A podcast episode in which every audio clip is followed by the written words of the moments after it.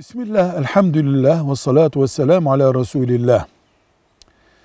Günahlarından tövbe eden, günah işlememiş gibidir sözü ne demektir? Evvela bunun Peygamber sallallahu aleyhi ve sellemin sözü olduğunu bilelim. İbn Mace isimli hadis kitabında 4250 numaralı hadistir. Ne demek? Günahlarından tövbe eden günah işlememiş gibidir.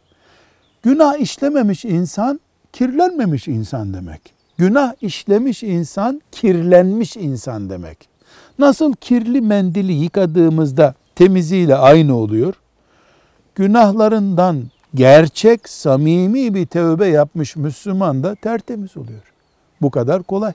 Velhamdülillahi Rabbil Alemin.